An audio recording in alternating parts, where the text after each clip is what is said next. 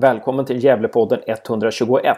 Det här avsnittet ägnas helt och hållet åt en intervju med Adil Kisil som är sportchef i Dalkurd. Adil går in på sitt sjunde år som sportchef och han har varit med om den stora resan för klubben i eliten.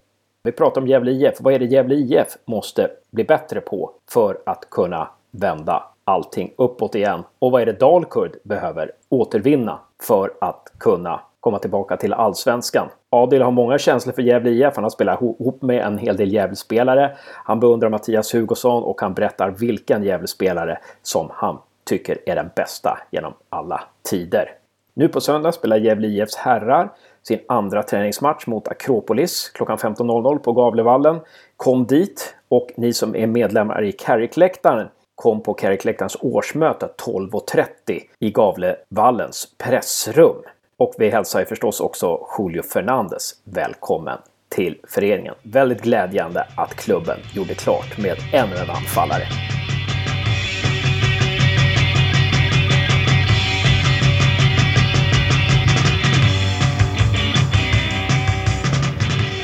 Varmt välkommen till Gävlepodden. Adil Kisil. Tack så jättemycket.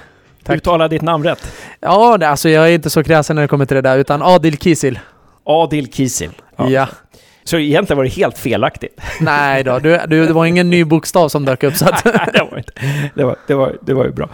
Tack för att jag får komma hit och hälsa på i era nya lokaler. Hur, hur, det, är alltså, det är lokaler som ligger på Rapsgatan i Uppsala och man brukar kalla det för Sporthuset, eller vad sa du för någonting? Ja, typ Gamla Allianshallen. Gamla Allianshallen. Precis. Och de här lokalerna är ganska nya för er. Vill du berätta lite hur ni har, hur ja. ni har jobbat på dem? Och... Nej, men det kom egentligen, det dök upp är, eh, en förfrågan eh, där vi kunde flytta in eh, och eh, bedriva en fotbollshall som de skulle bygga om eh, gamla såna här trampoliner för barn. Och det var i slutet av november och vi flyttade in då här i början av året och håller på att pyssla den som du ser. Eh, och eh, tanken är invigning här på torsdag av den här fotbollshallen och eh, våra kontor som vi har här. Just det. Då är det en liten träningshall och sen så har ni kontor här. Men det är ingen fullstor hall här då? Nej, det är ungefär sju manna, åtta manna någonstans där. Inte fullstor, utan det blir ett alternativ om vädret inte tillåter eller om man ska ha någon typ av träning som passar in. Just det. Så att en, en teknikhall lite sådär, bara för att Exakt. hålla igång och, och så. Ja, men vad spännande. Det var, det var lite eh, problem att ta sig hit för mig då. Det var busschauffören vet in, visste inte var det låg och taxichauffören var, var också lite lost där. Men, men nu är jag här och det var ju spännande att jag direkt så fick jag se en gammal Gävle-spelare i entrén här som hade skrivit på. Precis, jag var nog den första utbölingen som visste om kontraktet kanske. Ja, det är det faktiskt. Eh, vi gjorde precis klart med gamla ekipen eh, som stod i Gävle, Andreas Andersson. Och du, var, du träffade nog på honom precis när vi, bläcket hade knappt torkat. Så att eh, det var precis efter.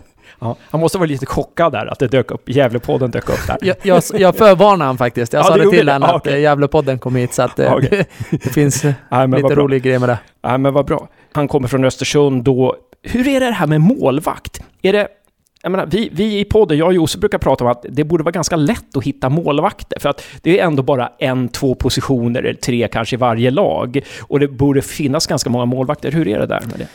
Alltså, om jag svarar ja så kommer jag se dum ut, för att eh, förra året så skiftade vi fyra målvakter, så att eh, Nej, det är, jag är själv gammal keeper. Eh, och, ja, och stått i Dalkurd i åtta år tidigare eh, innan jag hoppade på den här rollen. Men målvaktsposten är lätt men ändå svår. Alltså du måste ju få in en målvakt som passar in i gruppen och, och målvakter som alla säger är speciella så att det handlar om att hitta rätt karaktär och sen blir det också en målvakt som har vissa egenskaper. Man kan säga så att ah, det ska räddas bollar. Eh, men det är mycket mer än så, så att det är en ganska tuff position att hitta. Vad är det mer än det? Det ska räddas bollar? Ja, alltifrån styra en backlinje, det offensiva spelet, eh, luftspelet. Eh, sen är det karaktär också. Går han hem hos spelarna, ger han en trygghet. För ibland behöver du kanske inte vara magnifik i målet, men du inger ett trygghet som gör att andra runt omkring dig höjer, höjer sig och då kanske du inte behöver göra så mycket. Mattias Hugosson i Gävle IF var ju tydligen en sån, har fått reda på i efterhand, som aldrig blev nervös. Mm. Det, måste ju, det måste ju vara en egenskap som är ganska viktig. Ja, det är ju, det är ju en fantastisk målvakt, eh, Hugo, eh, som, eh, ja, jag vet inte hur många år han var med till slut, men, eh, men han var ju en sån målvakt som det kändes nästan som att han aldrig gjorde en dålig match, utan man visste vad man skulle få ut av honom. Och det är ju sånt vi pratade om precis, att han inger väl en trygghet eh, till de runt omkring sig, och speciellt försvararna. Just det. Men du sa också att målvakter är lite speciella. Är det lite som trummisar i rockband? Ja, det, den jämföringen har jag faktiskt hört förut. Så att, ja, vi är nog trummisarna i ett rockband. Men du som gammal målvakt, jag visste faktiskt att, att du var gammal målvakt, men jag gjorde inte den kopplingen här nu. Men eh, tror du att du som målvakt, som gammal målvakt, är noggrannare än andra sportchefer med just målvaktsposten? Att du har en fördel där? Kanske att jag kan, eh, att jag har varit målvaktstränare också och då blir det lite enklare för mig att kunna gå in i detaljer eh, på ett annat sätt. Men eh, jag tror att man tar hjälp. De andra sportcheferna tar nog hjälp av sådana som är lite mer insatta i målvaktsbiten. Men för mig så har jag, jag var ju målvaktstränare i Dalkurd i tre år. Ehm, så att, ja, lite fördel har jag. Just det.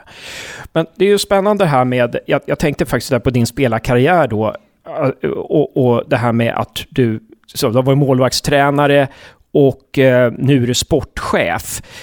Eh, vad finns det för fördelar eh, respektive nackdelar med det där? Att du har följt med Dalkurd liksom, som spelare och ledare innan du blev sportchef?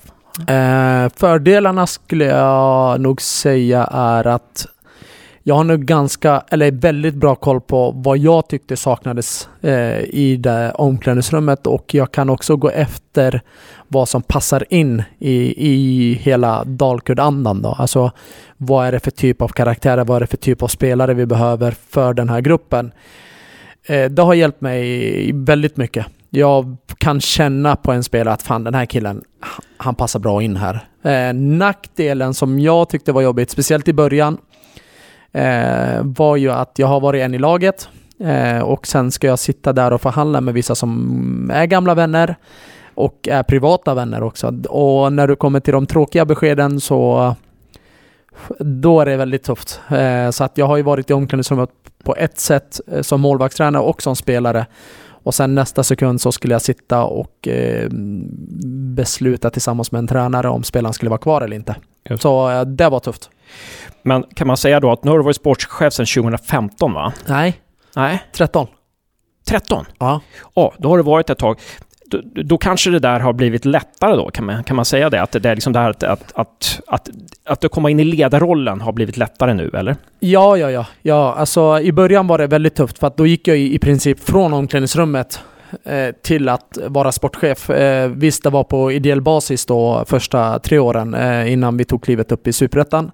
Eh, men jag tyckte att det var egentligen väldigt hemskt första året. Eh, så jag sa faktiskt ifrån mig de besluten, eller de samtalen, för jag tyckte inte det kändes bra att göra det. Så att första året så hade jag bara hand om nya spelare i princip. Eh, sen med tiden så har jag ju, det har ju gått så lång tid, nu är jag inne på mitt sjunde år.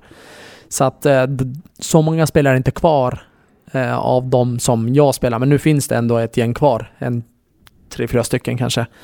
Men eh, i början var det tuffare, självklart. Nu har jag ju kommit in, nu ser ju folk mig också som en sportchef. Det är inte en målvakt eller en målvaktstränare.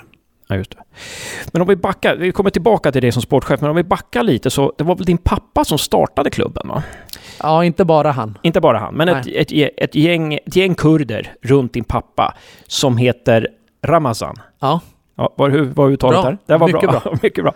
Och startade klubben eh, 2004-2005 någonting då. Men då, då, var du, då spelade du i Brag. Då hade du spelat i Brage innan va? Stämmer så bra. Att, så att, och sen, men hur var det? Alltså, stod du på avstånd och såg klubben växa fram då? Eller hur, hur, hur var det där? Nej. Eh, jag var inte, alltså diskussionerna dök ju upp där under eh, 2004 eh, och jag var ju med i de diskussionerna och frågade lite i och med att de personerna som är grundare till föreningen, pappa är en av dem, hade väl inte så mycket erfarenhet av fotboll eller föreningsliv överhuvudtaget utan det var Elvan som, eh, Sisen som också är en av grundarna, har varit tränare och jobbat i Brage också.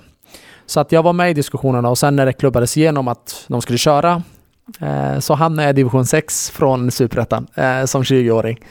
Hur var det då? Eh, ja, jag har ju fått tag i den här storyn tidigare, men... Ja, du har gjort det? Okej. Okay. Ja, men... Snabbspola den lite då. Snabbspola.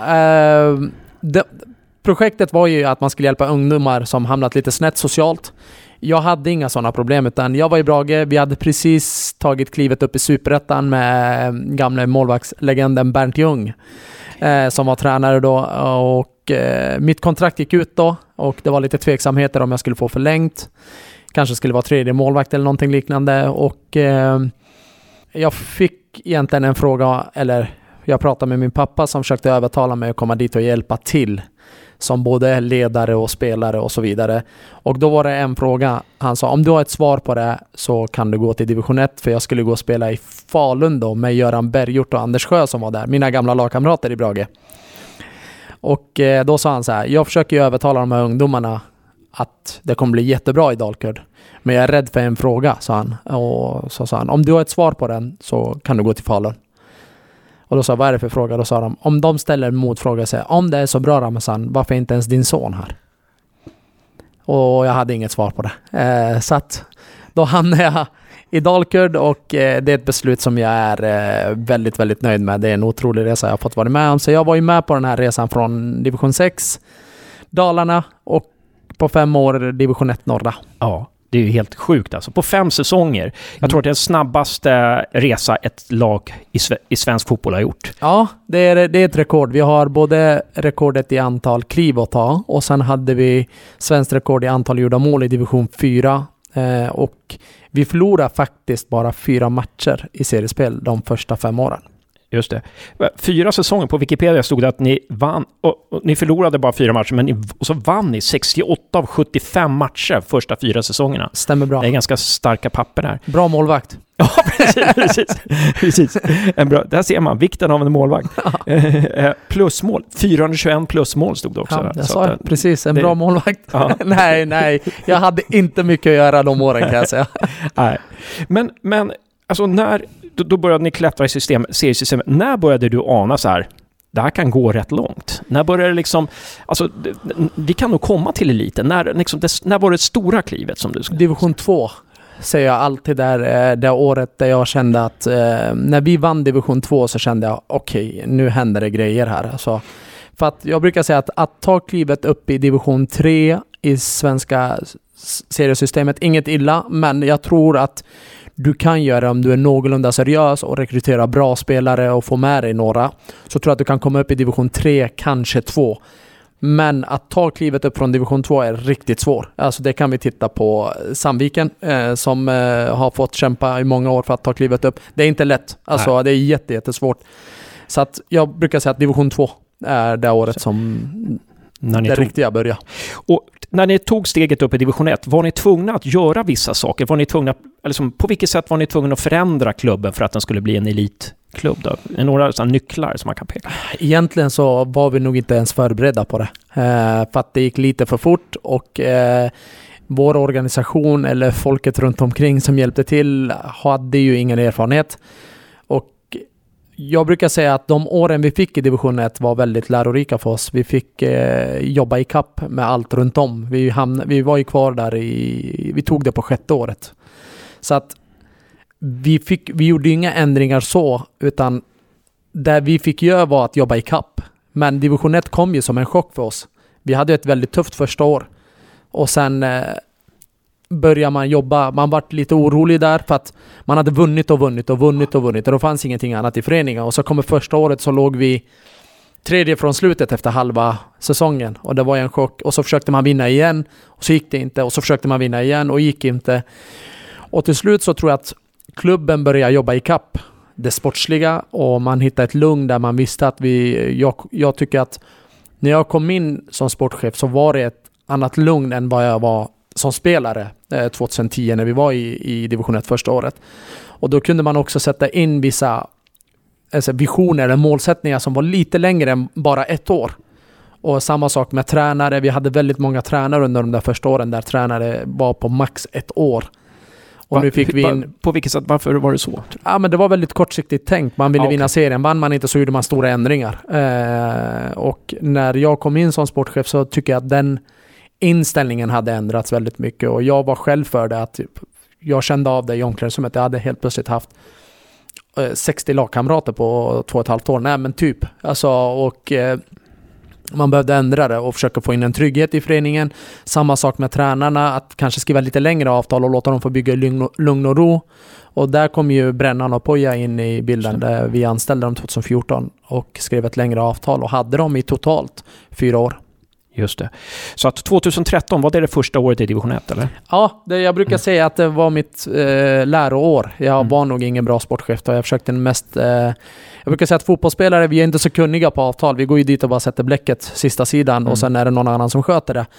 Eh, nu fick jag gå in och börja skriva dem och då har man inte så jättebra koll. Så att jag försökte mest lära mig. Nu gjorde vi ett fantastiskt år för att det var första gången jag har varit i Dalkurd, förutom allsvenskan, där man inte hade målsättning att vinna serien. Det var 2013. Man hade haft många tuffa år eh, och eh, e-, ekonomiskt så hade man det också lite tuffare för att satsa och satsa kostar.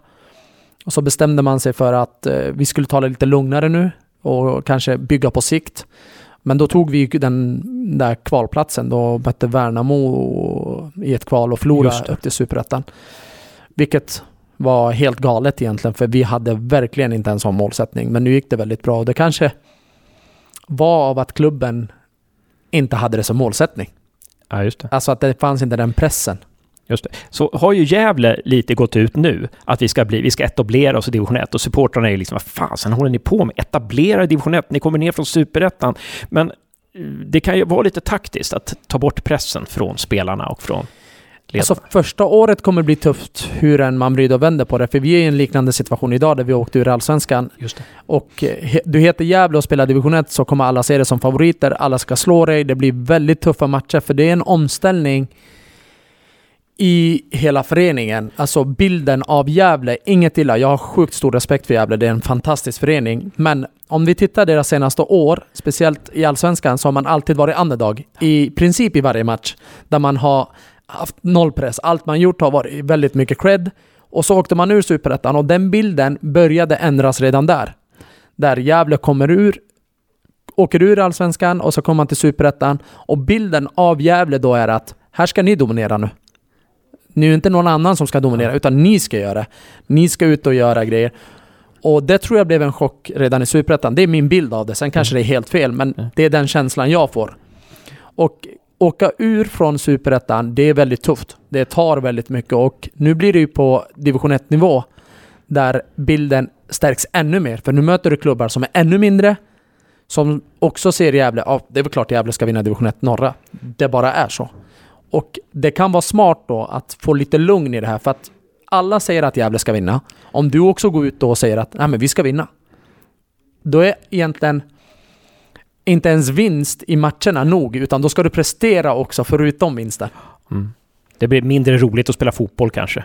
Ja, det blir och tufft. Det är, bara press, det är tufft. Det är press alltså. Jättetufft. Och jag, I Dalkurd är jag van med det.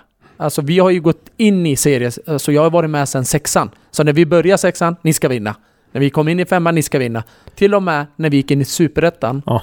vi ska vinna. Så jag är van med att folk ser oss på det här sättet. Så mm. för mig blir det ingen chock.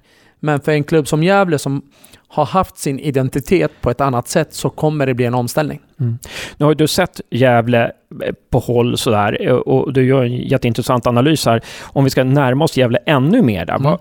är det någonting, har du något råd till Är det någonting som du tycker Gävle borde göra nu för att liksom vrida det här rätt igen? Jag känner till jävligt väldigt bra faktiskt. Jag spelar eh, en av mina gamla lagkamrater eh, därifrån, Thomas Westerinen. Eh, spelar med i Brage. Eh, han är väl krögare i Gävle fortfarande. Just det. Eh, men jag tror att det viktigaste för Gävle, om jag skulle jobba där idag, nu är inte jag så insatt i självaste föreningen, så skulle jag nog sätta ett eget spel. Och så får det ta sin tid för att, att göra det kortsiktigt så kan du gå in och spela en viss typ av fotboll och kanske vinna en serie. Men det är väldigt kortsiktigt tänkt för att i slutändan så ska du göra det på en högre nivå. Det är det som är tanken, hoppas jag.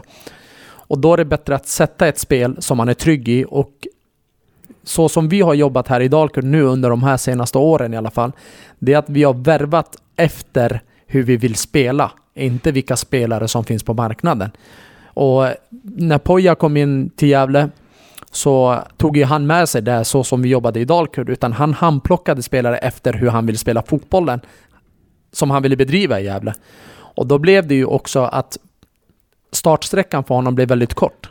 För han visste hur han ville spela.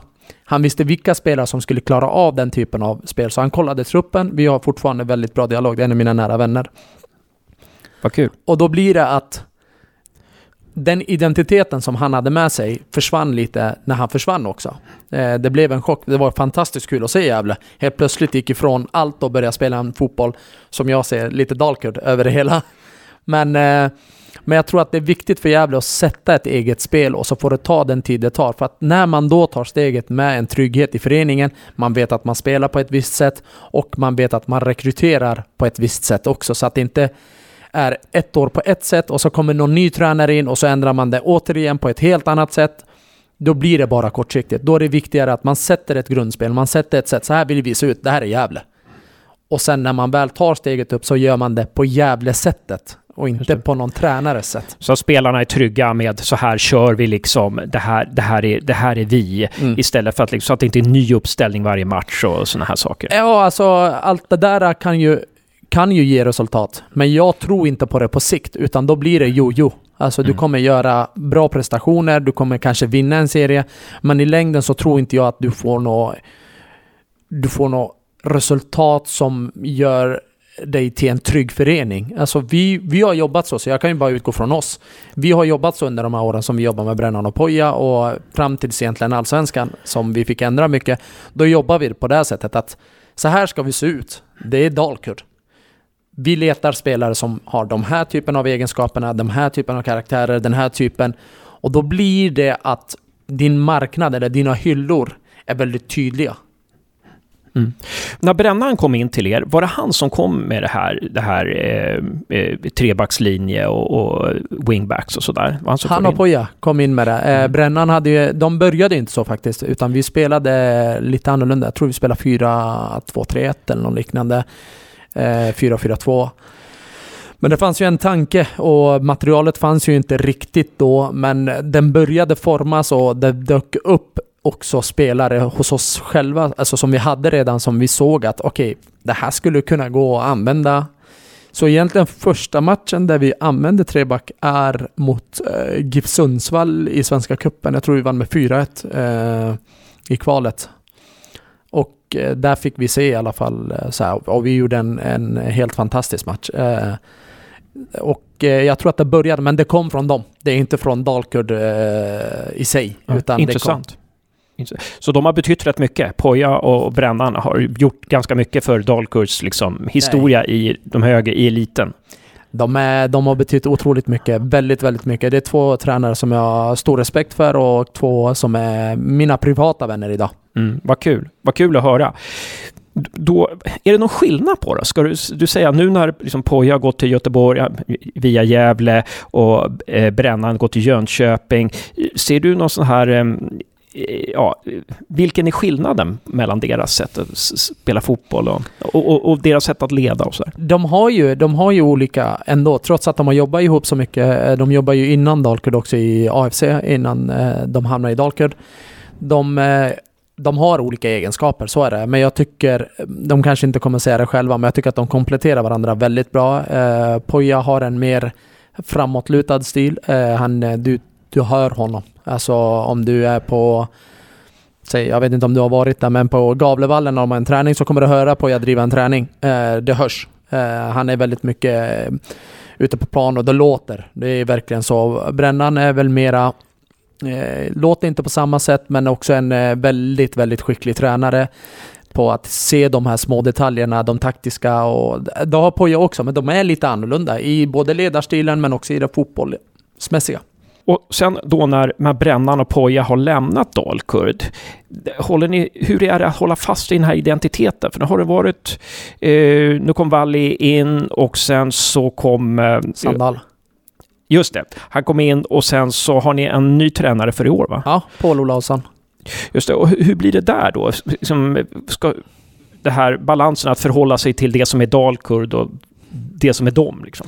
Mycket bra fråga. Uh, vi gjorde en grej här i somras när eh, vi, hamnade, vi hade en väldigt turbulent tid eh, som alla vet med våra investerare och tränare som lämnade och spelare som vi var tvungna att sälja.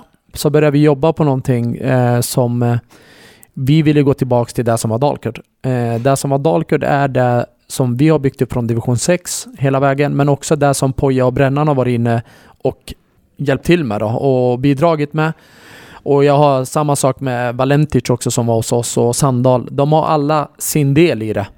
Eh, trots att resultaten inte gick med oss så måste man ändå plocka ur det absolut bästa man kan få från varje tränare. Och då börjar vi bygga egentligen på någonting som vi kallar Dalkurd-modellen. Att vi ska se ut på ett visst sätt. Vi rekryterar efter det. Så att idag så kan du egentligen komma och titta på min dator så är det en 35-sidig modell som eh, vi har eh, byggt upp nu. Där det handlar egentligen inte om att säga till en tränare så här ska du göra. Men så här vill vi se ut. Sen har alla, sina, alla tränare sina egna idéer. Men att det får inte skilja natt och dag. Det, ja, kommer tillbaka till det där att vi vill se ut på ett visst sätt. Så att det finns en modell som vi följer nu. Allt ifrån kravbilden på vilka spelare vi ska ha på positionerna, hur många spelare procentuellt, hur många äldre, yngre och hela den biten finns nedskrivet. Så det är någonting vi jobbade på under andra halvåret av 2018. Det liknar lite Sirius har ju, The Sirius Way, har man mm. ett dokument också. Mm. Där. Det kanske är många klubbar som har det, eller, eller hur vet du, vet du hur det där funkar? Inte jätteinsatt, men jag vet att många klubbar har en, ändå en, en tydlig bild av hur man vill se ut som förening ute på plan och utanför. Eh, många blir att man anpassar det väldigt mycket efter tränaren och när tränaren försvinner så har man tappat allting. Eh, lite så som det varit med Gävle-Poja. Så kom han in och så körde han en grej eh, som var helt fantastisk. Alltså de resultaten han gjorde där är galna. Eh, men när han försvann så försvann det med honom. Och ju, antingen så bygger man vidare på det eller så tar man någonting nytt som man tror på till 100% och bygger på det.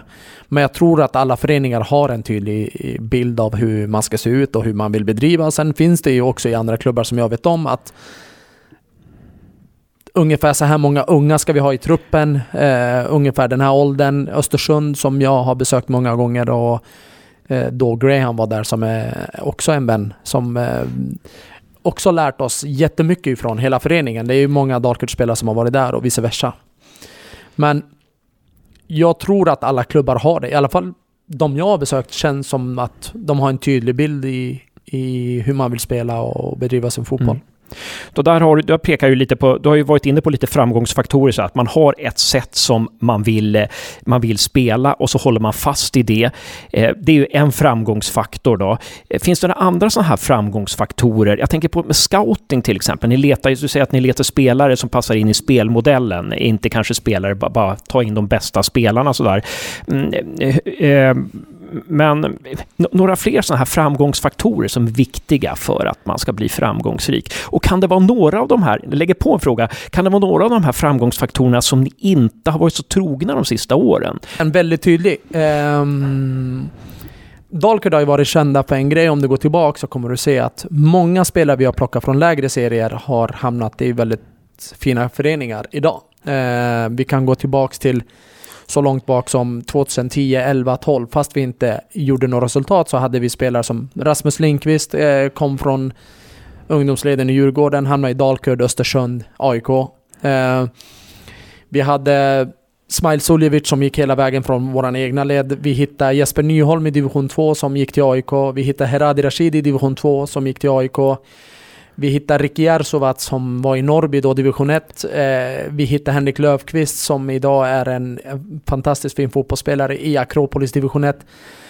Så att vi gick ifrån det lite när investerarna kom in för att man hade en, en kravbild på föreningen som var mycket högre och man hade en bild av, eh, av spelare också där man skulle åt en hylla som egentligen jag inte står bakom till 100% för att där är vi inte som förening. Vi måste respektera att vi heter Dalkurd, vi har funnits i snart 15 år eh, och vi kan inte konkurrera med de största föreningarna.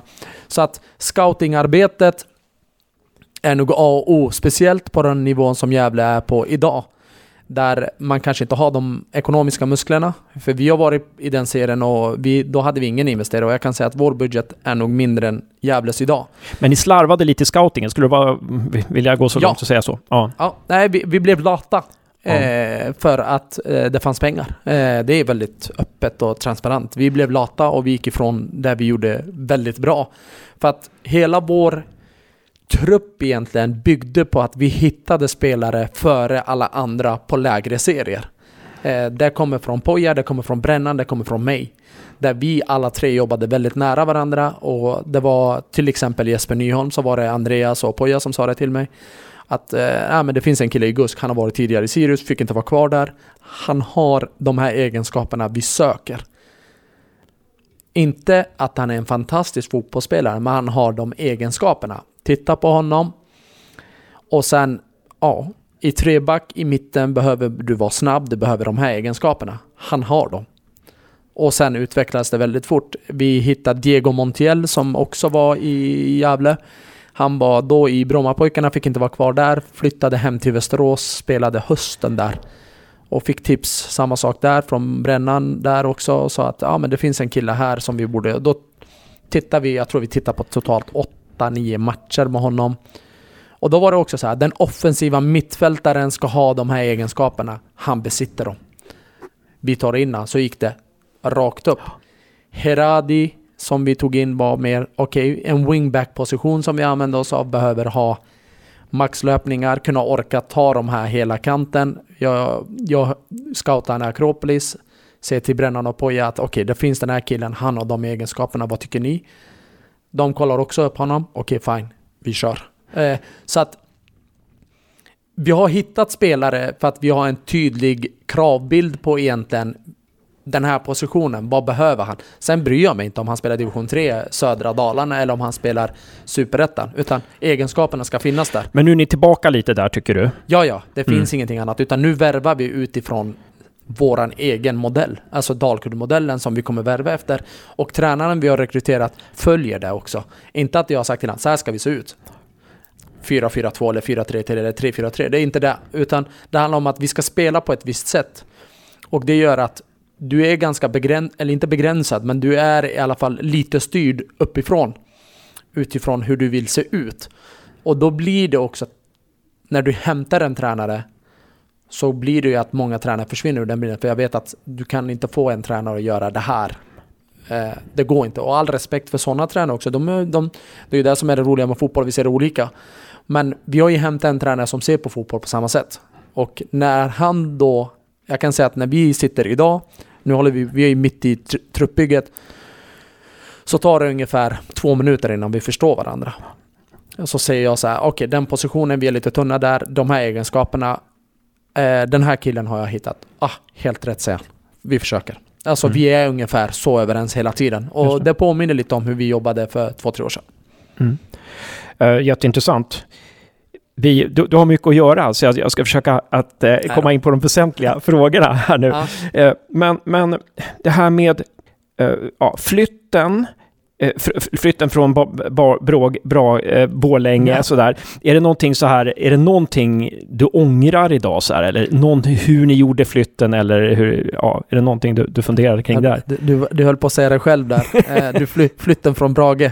ja, just det. Ja, just det. ja, det är nästan flytten från Brage, Borlänge, Borlänge är Brage. Nej, mm. men och det var väl så att, ursäkta att jag avbryter, men Dalkurd var väl en del av Brages eh, ungdomssatsning eller från början? Nej, va? Det, Nej, det var inte så. Det är lite Nej. fel info där som har spridit ja. sig runt att vi var en del av Brages satsning, utan tvärtom. Eh, Brage Eh, det är spelare som var från Brages ungdomsled som inte fick vara kvar, som ja. grundade. Det var så? Ja. ja så att, men, men strunt samma. Men, någonting vi ångrar från flytten. Eh, alltså jag är alltid emot det här med flytt. Alltså det, det har jag sagt sedan dag ett. Att eh, det, jag är, det är inte så att jag står där och bara fan det är väl klart klubbar ska kl kunna flytta hur de vill. Nej. Alltså man bygger upp en tradition, du bygger upp en eh, supporterskara som bor, du får en känsla till staden. Jag själv, jag är dalmas. Alltså rakt igenom.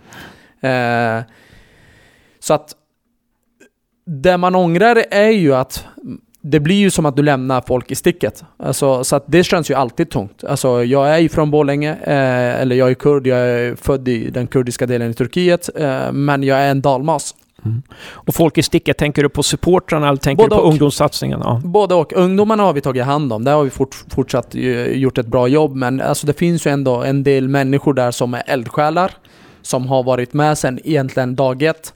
Eh, det finns en publik där också som har varit där i vått och torrt. Alltså, Så det känns ju alltid tungt. Och sånt tar tid. Alltså att flytta till Uppsala, det betyder inte... Nu har vi väldigt mycket supportrar kring Uppsala och Stockholmstrakterna. Men det kommer ta tid att bygga upp den. För det är ju någon... Folk har ju fått en känsla, det är ju nästan som en unge. Alltså de har varit med sedan födseln av föreningen. Och varit med hela vägen upp på den här resan. Så du får ju en koppling till föreningen som är på ett annat sätt än att du bor i Uppsala och har följt Dalkurd på håll. Ja, precis, precis. Så att, och sen hade ni ju ganska, det blev ganska, du har sagt i några intervjuer att den värsta tiden i mitt liv sa du förra sommaren eller någonting när ni skulle flytta, eh, flytta, flytta hit till Uppsala, eller förra våren eller någonting. Eh, och, så, och sen så eh, från och med nästa säsong ska ni spela på student, Nya Studenternas då. Men ni spelar i år på Gavlevallen. Vad säger du om Gavlevallen, Gävle kommun, Gävle IF? Hur är dialog där? Alltså, vi har ju haft, jag har alltid haft jättebra dialog med Gävle som fotbollsförening. Eh, för att jag har alltid haft någon man känner där. Jag har, en gammal, jag har haft gamla lagkamrater som har spelat. Emil Hedvall stod jag med i Brage. Eh, man har haft lite vänner runt omkring. Marcus som är tränare känner jag till väldigt väl. Poja var där. Så att det har aldrig varit några hard feelings mellan klubbarna. Alltså, vi har haft Erik Törnros hos oss som en, idag är en god vän till mig. Eh, utan mot Gävle som förening så har det funnits en väldigt fin och ömsesidig respekt. Eh, och mot Gävle kommun så har det inte funnits no några krångligheter utan vi behöver spela på en arena. Och jag tror som för Gävle kommun att få in de intäkterna med, nu var vi i Allsvenskan så att det är ju väldigt bra intäkter. Eh, varför vi spelar där kommande säsong är för att arenan inte är klar. Vi skulle kunna spela på en annan ort i och med att kraven inte är så höga som i Allsvenskan. Det blir fler arenor tillgängliga. Men vi har ett bra samarbete med Strömsbro där, eh, mm. som eh, var med och hjälpte till på matcherna som vi är väldigt nöjda med. Och vi har byggt upp rutiner också kring evenemanget och hela den biten som gör att varför hålla på att ändra och börja om från noll och vi har redan tillräckligt mycket att göra än att lägga fokus på de bitarna. Sen är Gavlevallen en jättefin arena som vi tycker om att spela på. Det är jättefina förutsättningar. Mm. Kul att höra. Är det, kan man, skulle, skulle Gävle IF eh, liksom kunna eh, börja påbörja något samarbete med er i och med att ni är i Gävle ibland och är ganska nära nu i Uppsala så här, och Gävle har ju ramlat ner lite och ganska dålig ekonomi. Skulle det kunna finnas något samarbete med, mellan er när det gäller spelare och sådär eller? Så vi har haft en dialog när det gäller spelare alltid. Eh, när det kommer till Marcus, eh, när Per fortfarande var där och när Poja var där så blev det ju ännu mer, i och med att vi är vänner också privat, eh, så blev det ju. Så att inget sånt tydligt samarbete vet jag inte. Det är ingenting som är omöjligt så. Men det har inte varit på tal om något sånt, utan det har varit mer att man har frågat lite om vi har några spelare över. Och när Poja var där så var det ju ännu mer tydligt i och med Bayram Ayeti som vi två hade i Dalkurd innan också, jag och Poja som vi tittade på. Diego Montiel, eh, alla de har ju ändå ha, har någon typ av koppling. Det var ju fler spelare på väg dit också. Det var ju Predrag Randelovic var på väg dit och Leo Plana var på väg dit. Och, så att dialogen som finns är just nu, den kanske är på ett bättre bättre sätt än vad jag skulle säga än med andra klubbar. I och med att vi, jag vet inte, vi har någon typ av koppling. I och med att vi spelar där, vi har haft vänner där och så, så har det blivit lite lättare att ta de diskussionerna. Ni har ju ganska stor trupp nu och kanske en, om, om det är en del spelare som blir, liksom, som blir överflödiga här, inom citationstecken, eh, skulle man kunna tänka sig då att, eh, att eh, du slår en signal till, till Mackan då och säger att eh, kolla på de här, eller får Mackan lyssna på den här podden och ta beslutet själv? Just nu har jag inte inte många spelare. Jag, Nej, okay. bara, jag, jag hade en väldigt stor trupp, men det, jag, det har inte uppdaterats så jag tror att det står fortfarande att vi har väldigt många. Men vi har bara, kan vi ha, 13, 13 spelare under kontrakt idag. Okej, okay. det är som Gävle, ligger, exakt jag, som Gävle. Ja, jag ligger lite efter skulle jag nog säga. Eh, jag skulle gärna legat på 15-16 idag, men eh, Tränarfrågan dröjde lite och som jag sa innan så vill jag gärna att tränaren har sin åsikt i spelarförvärven så att jag vet att han kommer spela dem för att jag vill ha avkastning på dem jag tar in. Just det. Eh, jättebra. N när, när, du, när du scoutar spelare, vänder du dig har du kom kommunikation med agenter eller har du, har du någon kommunikation med, för jag vet att eh, vi pratade lite med de som har, har i fotbollslabbet, playmaker.ai, mm. Som, som eh, de gjorde mycket scouting åt Graham Potter till exempel. Mm. Har du haft någon kontakt med dem när det gäller? Nej, så utan vi har, vi har fortfarande, om vi tittar på hur Östersund jobbar, eh, där eh, jag har varit och som jag sa tidigare, så jobbar ju de på ett fantastiskt sätt med Kyle som har varit chefscout där och Graham och så har de haft det här fotbollslabbet som har eh, tagit fram siffror åt dem på varje spelare de skulle ta in. Vi är inte där ekonomiskt. Eh, vi kunde ha varit om vi hade fortsatt jobba med en investerare som hade väldigt mycket pengar.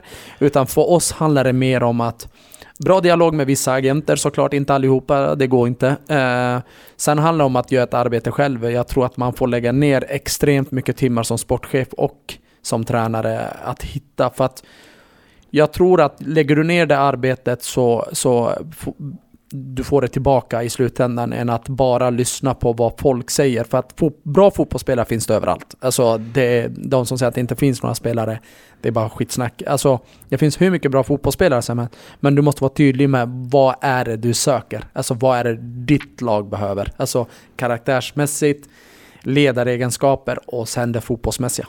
Mm. Jätteintressant. Några avslutande snabba frågor. Erik Törnros karriär, vad säger du om den?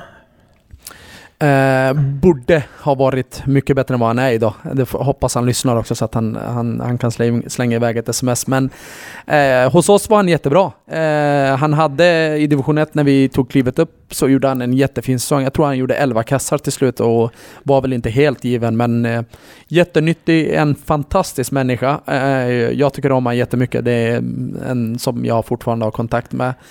Eh, nu är han tillbaks i, i, i sitt land, eh, Finland, där han eh, dominerar. Så att, eh, nej, jag följer honom. Det, jag hade hoppats på att han skulle slå lite högre i Gävle. Tyvärr så blev det inte så.